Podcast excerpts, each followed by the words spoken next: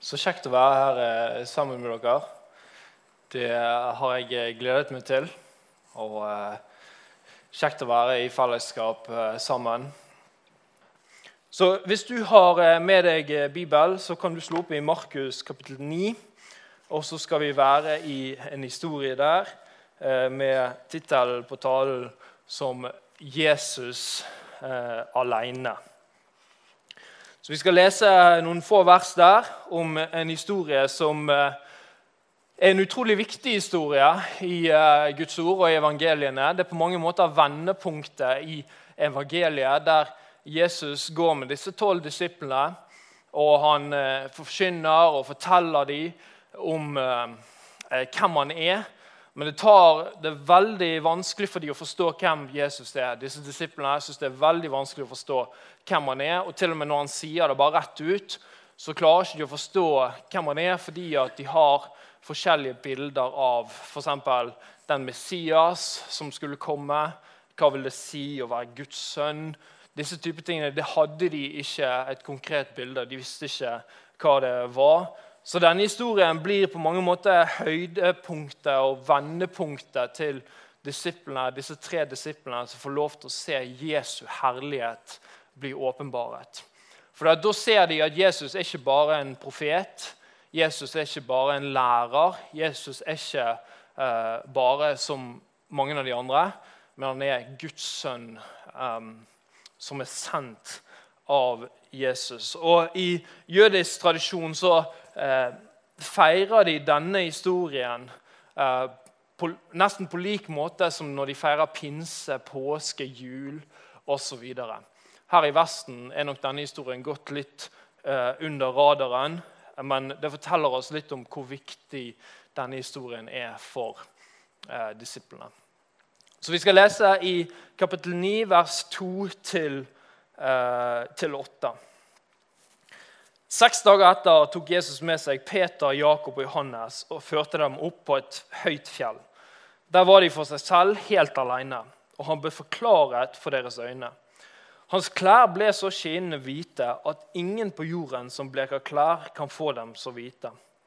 Og Elia viste seg for dem sammen med Moses, og de samtalte med Jesus. Da tok Peter til orde og sa til Jesus.: Rabbi, det er godt at vi er her. La oss bygge tre hytter. En til deg, en til Moses og en til Elias. Han visste ikke hva han skulle si, for de var slått av frykt. Da kom det en sky og overskygget dem, og en, rø og en røst lød ut fra skyen. Dette er min sønn, den elskede. Hør ham. Og med ett, da de så seg omkring, så de ikke lenger noen hos seg uten Jesus alene. Så Historien her er at Jesus tar med seg tre disipler, Jakob, Peter og Johannes, opp på et fjell. Og de får en enorm eh, opplevelse. De får se Jesu herlighet åpenbaret. Det står at eh, hans klær var så hvite som ingen som bleker klær, kan få de så hvite. Det var så hvitt, det var så rent. Jesu herlighet ble åpenbaret. Og Dette var øyeblikket som vi sa, der, Jesus, der disiplene skjønte at Jesus ikke bare var en god person, en lærer, eh, en rabbi, men han var Guds sønn. Og så skjer det at idet de får se Jesu herlighet åpenbaret Du kan bare tenke, Hvis du, hvis du tar i kontrast um, med Moses, som fikk lov i Gamle testamentet Han fikk ikke lov til å se Gud forfra. Hvis dere husker historien, så fikk han lov til å se Gud bakfra. At Gud gikk forbi Moses. Han fikk lov til å se ham bakfra. Han fikk lov til å se Guds herlighet bakfra. For han kunne ikke se Guds ansikt. Det var så sterkt, det var så hellig, det var så rent. Han ville ikke tåle det. Og Her får altså disiplene se Jesu herlighet, Jesu hellighet, rett foran øynene sine. En enorm enorm opplevelse. Og Peter skriver det om i sitt brev, der han skriver om vi fikk se ham på fjellet. Da refererer han til dette øyeblikket, som ble et vendepunkt som disse disiplene holdt fast på i lang tid. Og så forteller historien oss at um, i vers 4 at plutselig så dukker Elia og Moses opp. Uh, og for du som ikke, Hvis du ikke kjenner til uh, Bibelen så mye, så legger du sikkert ikke merke til at det er så spesielt. Uh, men hvis du kjenner til Det gamle testamentet, så er Elia og Moses død for lenge siden. De har ingenting å gjøre på dette fjellet. De er dødd for mange hundre år siden. Eh, de levde for mange hundre år siden. Og plutselig så dukker de opp på dette fjellet der eh, disiplene, de tre disiplene står gjerne over her, og så står Jesus her. Og så står han og samtaler med Moses og Elia. Og så ser Peter og Jakob og Johannes, og Peter han sier i neste vers Da tok Peter til orde, vers 5, og sa til Jesus.: Rabbi, det er godt at vi er her. La oss bygge tre hytter, en til deg, en til Moses og en til Elia. For Peters del så er Moses og Elia de største, kanskje de største forbildene han har. I en jødisk tradisjon så er Moses en kjempeviktig eh, leder og skikkelse. Eh, og Elia òg en av de største profetene. Så det at, eh, det at de kommer her, er veldig spennende for Peter. Det er veldig attraktivt. Og han, han, sier kan vi, kan vi være her lenger? Kan vi ta og bygge noen hytter? Kan vi bli her? Dette er kjekt. Og Bibelkommentarer uh, mener at den kommentaren som Peter sier der, handler om at han, han, er, han har lyst til å være sammen med Moses og Lia. Han har lyst til å høre på hva de har å si. Han har lyst til å høre på hva, hva det de vil si til, til denne gjengen. Og jeg skjønner jo det. altså Hadde, hadde plutselig liksom Peter og Paulus og Jakob på en måte bare stått her, eh, så hadde jeg hatt utrolig lyst til å begynne å snakke med dem. Jeg hadde utrolig lyst til å bare, ah, Hvordan var det å være, liksom, eh, starte disse menighetene? Hvordan var det å være apostel? Hvordan, altså, det gir veldig mening at Peter er veldig interessert i disse eh, personene. Og så kommer det, kommer det videre at, eh, at um, Gud Det som skjer, uh, det er at vers 7 Da kom det en sky og skygget over dem. Altså Moses og Lia ble skygget over. Uh, og så sier Gud fra himmelen, 'Dette er min sønn, den elskede. Hør ham.' Og med ett, da de så seg om, så de ingen andre enn Jesus alene. Da var Moses og Elia skygget over av en sky som Gud hadde gjort, sånn at disiplene ikke så Moses og Elia lenger. Og de så bare Jesus alene. Og Gud har et veldig viktig poeng til disiplene her. Som jeg sa, så gir det mening at de har lyst til å høre hva er det Moses og Elia kan si. Hva er det de snakker om? Kan vi få bruke litt tid med dem? Men Gud, han sier, 'Dette er min sønn, den elskede. Hør ham.' Og Så kan vi spørre oss hvorfor sier Gud 'hør ham', og hva er det egentlig Gud driver på med her? Og Hvis vi spør spørsmålet hvorfor er det Moses og Elia som er i denne historien, Hvorfor kunne ikke det f.eks. vært eh, fra Gamle testamentet Abraham eller kong David? Det er jo kjempeflotte personer òg. Men Gud har et poeng her. Og det er akkurat det at det er Moses og Elias som er poenget til Gud. For Abraham og David hadde ikke vært det samme. Fordi at For disiplene så representerer Moses loven. Og Elia han representerer profetene. En av de største, eller kanskje den største profeten som utryddet baltilbedelsen i Israel. Moses og Elia. Og når Gud sier 'Dette er min sønn, hør ham', så står den som eh, representerer loven, rett der, og den som representerer profetene. Og For en jøde så betyr det hele Det gamle testamentet. Loven, de første fem Mosebøkene, og så profetene. Så det Gud sier, det er at nå skal dere høre på Jesus. Ja, dere skal lytte til Det gamle testamentet, men dere må forstå Gamle testamentet ut ifra hvordan Jesus underviser om det.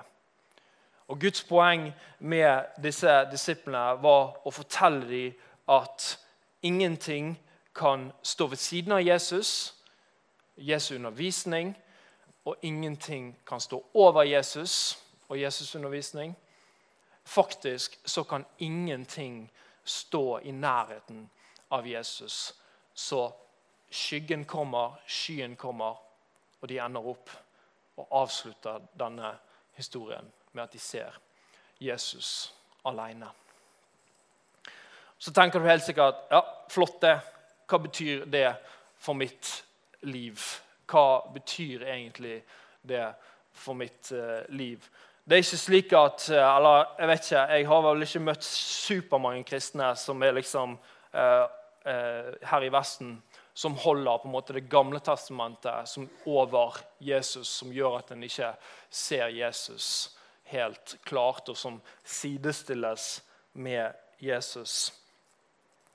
Men budskapet er jo at ingenting skal få komme opp ved siden av Jesus.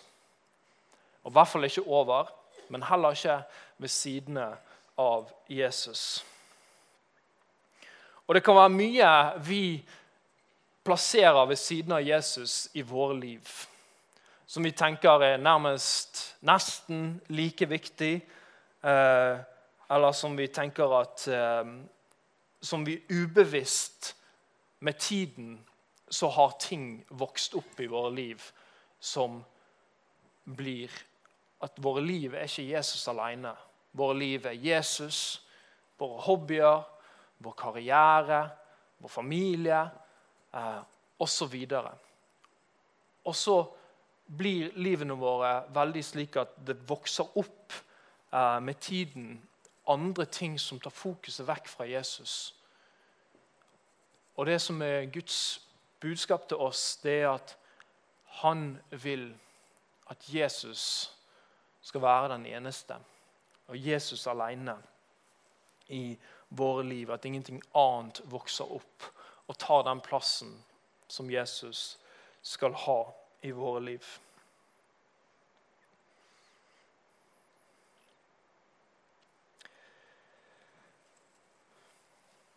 Når jeg var 20 år, så jobbet jeg som sagt som ungdomspastor i Tremorkirken. Eh, og det gikk eh, veldig bra. Det var mange på møtene.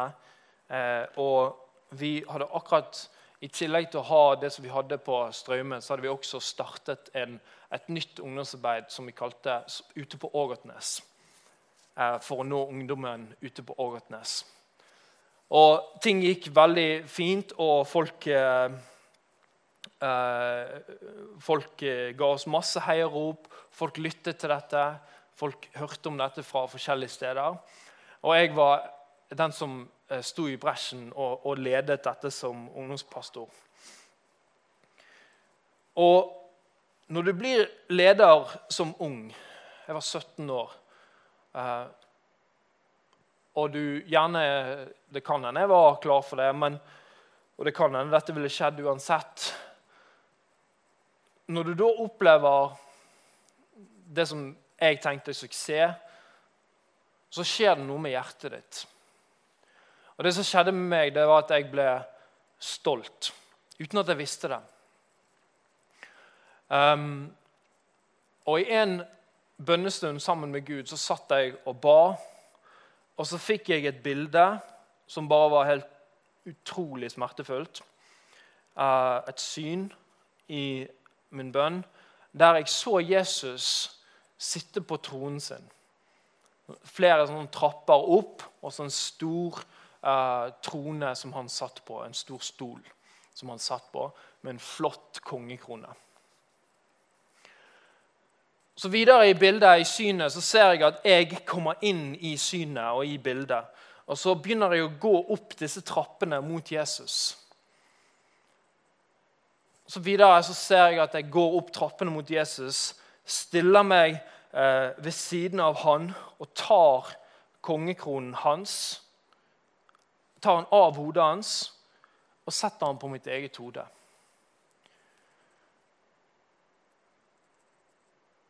Utrolig smertefullt, og jeg visste med en gang i det jeg så synet, hva Gud ville si til meg. Fredrik, du har tatt æren fra Gud. Du har tatt æren for det som Gud har gjort. Det er ikke du som har gjort dette. Det er ikke det dere står i, som har gjort. Ungdommer kommer til tro, ungdommer blir frelst osv. Utrolig smertefullt. Samtidig um, starten på en frihet. Starten på at stoltheten som var i hjertet mitt, som var skjult, som jeg ikke visste om sjøl engang, eh, skulle få komme opp til overflaten, og Jesus skulle få sette meg fri. At det igjen skulle bli Jesus alene og ikke disse andre tingene. Nå var ikke det Moses og Lia, men for min del så var det tjenesten. Det var eh, vekst, frukt. Eh, det var mitt holdt jeg på å si, mitt, eh, mitt rykte hva folk sa om meg, som ble viktigere enn det Jesus har gjort, enn det Jesus har vært for meg. Og Jeg ville jo selvfølgelig på den tiden aldri sagt det på den måten, men det var slik det var i hjertet mitt. Så Jesus alene jeg måtte ta oppgjør, og Gud ledet meg gjennom en krevende sesong der jeg faktisk endte opp med å reise til Australia. Stor, stor grunn til det var dette. Uh, at jeg bare kjente at jeg kan ikke jeg, Det er ikke riktig av meg å stå mer i tjeneste nå. Um, og Så jeg sa opp jobben og reiste til Australia og, og var og studerte der. Uh, Bibel og gikk på bibelskole osv. Um, og Gud gjorde noen ting i hjertet mitt som jeg er utrolig, utrolig takknemlig for. For For meg så var det Jesus og ikke Moses og Lia, men det var tjenesten, det var karrieren. Det var på en måte eh, det som mitt eget ego. Og så vil jeg spørre, i, i ditt liv, hva er det som kommer opp ved siden av Jesus? Hva er det som får like viktig plass? Hva er det som blir like interessant? Hva er det som får like um, og kanskje mer fokus i, i ditt liv? Kanskje det er pengene, dine hobbyer, din frihet. Kanskje det er dine prioriteringer, materialismen, individualisten i deg. Det å ville gjøre ting sjøl, det å ville ha det nye. Kanskje retten på din fritid, din egen tid. Kanskje helt andre ting. Hva er det som på en måte skygger over Jesus i ditt liv? Hva er det som kommer opp og blir like viktig, og som gjør at du mister fokus for det Jesus har gjort? Jeg har alltid vært utfordret av Jesu undervisning om såmannen. Lignelsen om såmannen. Um, for Den forteller oss litt om alvorligheten av at andre ting kommer opp. Uh, slik at Jesus ikke blir det eneste i livene våre. Hvis, hvis jeg leser i Markus eh, 4, den neste, så forteller Jesus en lignelse som handler om at når Guds ord blir sådd, så lander det i forskjellige hjerte, eh, altså jord i hjertet. Så i vers 4 noe falt ved veien, og fuglene kom og tok det. Noe falt på steingrunn, hvor det var lite jord, og det skjøt straks i været fordi jordlaget var tynt. Men da solen steg, ble det svidd og visnet fordi det ikke hadde fått slått rot. Noe falt blant tornebusker, og tornebuskene vokste opp og kvalte det, så det ikke bar frukt. Og så er det vers 8, der vi alle håper at våre hjerter er når vi hører Guds ord. Og vi ber om å få være Men noe falt i god jord, det skjøt opp, vokste og bar frukt. 30, 60 og 100 ganger det som ble sådd. Men så er det den vers 7 der. Noe falt blant tornebusker, og tornebuskene vokste opp og kvalte det, så det ikke bar frukt. Så altså Planten vokser opp, men så vokser det torner rundt planten. Og over tid så kveler det. Kveler det det som ble sådd. Og så er det interessant, fordi at hva er det da som kveler Guds ord i våre liv? For når Guds ord blir sådd, så kan det lande på forskjellige plasser.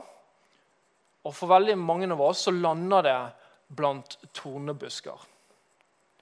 Typisk for oss kristne. Men hva er det egentlig da eh, disse tornebuskene Hva er det som kveler det? Og Det forteller Jesus oss i, i, uh, videre i lignelsen når han forklarer hva den lignelsen handler om. Så tar neste, så ser vi videre i Markus 4. Så skal han forklare hva er det disse tornebuskene er. Og da sier han andre igjen er de som blir sådd blant tornebusker. De hører ordet. Så de som, der, der, det blir sådd blant tornebusker, der sitter vi og hører på Guds ord. Vi leser gjerne Guds ord, vi hører forkynnelse. Dette er ikke mennesker som ikke hører Guds ord. Dette er mennesker som ønsker å høre Guds ord, og som ønsker å vokse. De hører ordet, vers 18. Men hva er det som er tornene? Hva er det som kveler det? Men dette, livets bekymringer, rikdommens bedrag og lysten på alle andre ting, kveler ordet, så det ikke bærer frukt. Jeg, Jesus, jeg hadde på en måte forstått det hvis du hadde sagt men verdens synd, men um, all mulig uh, ondskap, all mulig dumme ting vi gjør, kveler ordet. Det hadde gitt mer mening i hodet mitt. Men Jesus, at du sier at Spesielt den siste der. Lysten på alle andre ting kveler ordet det blir litt alvorlig for meg. For det er veldig mange av oss som har lyst på veldig mange ting. Og som i våre kristne liv blir preget av mange andre ting enn Jesus. Av våre prioriteringer, av hvor vår lidenskap er, av hvor vårt hjerte er. Det er mange andre ting. Og så er det veldig mange av oss som bekymrer oss veldig mye. Livets bekymringer. Og det Jesus sier her, det er at vær forsiktig med disse tingene her.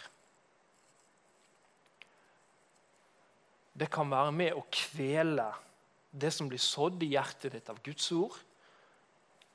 Og enda verre, det kan være med å kvele troen din. Så det ikke bærer frukt.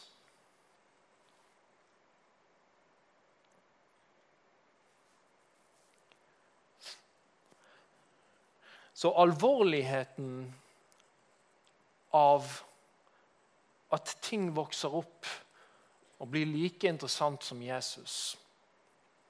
Av at Jesus alene blir ikke det som blir fokuset vårt og livet vårt og hjertet vårt. er ikke bare at ah, det var dumt, det var sånn vi skulle ønske det skulle være. Konsekvensen av det er at når du da kommer på gudstjeneste, og når du da setter deg ned og leser Guds ord, og ønsker å vokse sammen og ønsker å bli kjent med Jesus og ønsker å vokse i ditt kristne liv. Så vokser planten din, når du er planten, så vokser det som er i hjertet ditt. Det vokser. Men så er det alle andre ting i livet ditt som gjør at denne torden den bare går rundt og rundt og rundt. Og du ønsker å vokse sammen med Jesus, og du kommer på bibelgrupper, og du ønsker, og du lurer på hvorfor finner ikke jeg frihet? Hvorfor finner ikke jeg Jesus? Hvorfor finner ikke jeg det livet som Jesus har for meg? Og så har Jesus sagt det rett til oss. Det er fordi at alle andre ting Livets bekymringer, rikdommens bedrag og alle vi nordmenn, vi er rike. Ikke tenk at dette er liksom millionærer. Vi er rike. Rikdommens bedrag. Individualisten i oss, materialismen, ha det nye, kjøpe det nye. Få hytte der, få båt der. Alle disse tingene. Ingen problem i det hele tatt. Kjempevelsignelser av Gud hvis vi bruker det på riktig måte. Men det også, eh, kan òg være med å overskygge Jesus. Det kan være med å skygge til at vi ikke ser hvem er han er. Og ufrivillig. For det er det som er greien med disse her, der det lander blant torner. De hører ordet. De ønsker å vokse i sin relasjon med Jesus. Og jeg tror veldig mange av oss gjør det. Vi ønsker å vokse sammen med Jesus. Vi ønsker å se mer av hva han har gjort for oss. Hvem han er. Hva han kan være med og eh, hvordan vi kan lede familiene våre til å leve for han og være i tjeneste for Jesus. Veldig mange av oss ønsker det. Og så er det bare som at livet bare tar oss. Alle andre ting. Aktivitetene, tidspresset karriere, ting som vi bare retter fokuset vårt, som bare vårt lidenskap og hjerte blir dratt mot. Som ikke nødvendigvis er synd, som ikke nødvendigvis er galt i seg sjøl. Det, det, er jo ikke galt i seg sjøl å bekymre seg. Selv om Jesus sier jo at vi skal ikke bekymre oss, men istedenfor skal vi legge det fram for Jesus i bønn. Men alle andre ting Guds, Jesus sier jo ikke her at alle andre ting er synd. Men alle andre ting blir denne tornen som bare kveler. Så det budskapet Jesus hadde til Jakob, Peter og Johannes med at Moses og Lia Alle andre ting som kan overskygge Jesus, at du ikke ser Jesus alene, det er like relevant for meg og deg i dag.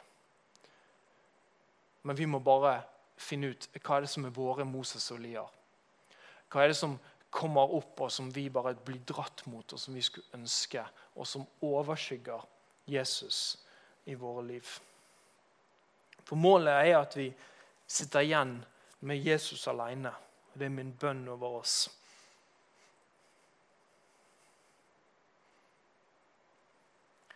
Så jeg vil spørre deg en gang til mens jeg har snakket nå. Så kan det hende at Den hellige ånd har brakt opp noe i ditt hjerte. Noe som eh, du kjenner på en overbevisning om at her lever ikke du i, helt i vilje med det Jesus har for deg. Enten det er noe du bruker altfor mye tid på, eller det er noe du vier altfor mye av ditt fokus mot, eller din kjærlighet og hjerte mot. Eller det er ting du uh, bør begynne med. Uh, at du må prioritere mer Guds ord, eller at du må prioritere mer å være i det kristne fellesskapet. Det kan være forskjellige ting Gud bringer opp i ditt hjerte nå. Og det jeg har lyst til at vi skal eh, avslutte med, og jeg vil utfordre dere til, og vi skal åpne opp for forbønn inn mot det å omvende seg i dette. Fordi at når, når Gud kommer og røsker litt opp i ting i livene våre, så kan det oppleves, og det gjorde det for min del når jeg reiste til Australia og jeg opplevde at jeg tok æren fra Gud og, og disse tingene, så var det utrolig krevende der og da. etterkant har jeg sett at Gud disiplinerte meg. Og som en god far og en god forelder så disiplinerer en sine barn for at de skal lære. Guds ord snakker om dette i Hebreerne 12. Faktisk, De barna, de som ikke blir, opplever Guds disiplin, da er en ikke en ekte sønn eller datter av Gud. Det er en, det er en på en måte det er en del av å være Guds barn. Det å av og til oppleve at Gud pirker borti noen ting og disiplinerer og sier her må vi endre noe. Her må vi gjøre noe. Men det er også et bevis på Guds kjærlighet, Guds omsorg. Fordi at når Gud nå i rommet driver og pirker borti ting i hjertene våre Det han gjør, det er at han, han åpenbarer tordner til deg. Som går rundt ditt liv, som går rundt ditt hjerte. Og du er ikke klar over at de tordnene er med på å kvele noe av det åndslivet du har på innsiden. Så det som skjer nå, det er at Gud viser sin omsorg ved å åpenbare for oss hva er det som hindrer oss i å se Jesus alene. Så når jeg nå utfordrer oss til å um, Til at vi skal omvende oss Først skal vi få en, eh, en eh, solosang. Så vil jeg komme opp etterpå og bare utfordre oss til å omvende oss. Og Det jeg vil snakke om da, det handler bare om at, at vi vil bare gjøre den endringen. Så bruk nå den neste tiden nå, i den sangen som er nå, til å bare be Gud eh, om å vise deg det som, du, det som er torner i ditt liv. Det som er ting som, ønsker, eh, som Gud ønsker ved sin omsorg å sette deg fri fra. Så skal vi ha en solosang, og så skal jeg eh, komme opp og, og lede oss i en, i en omvendelsesbønn.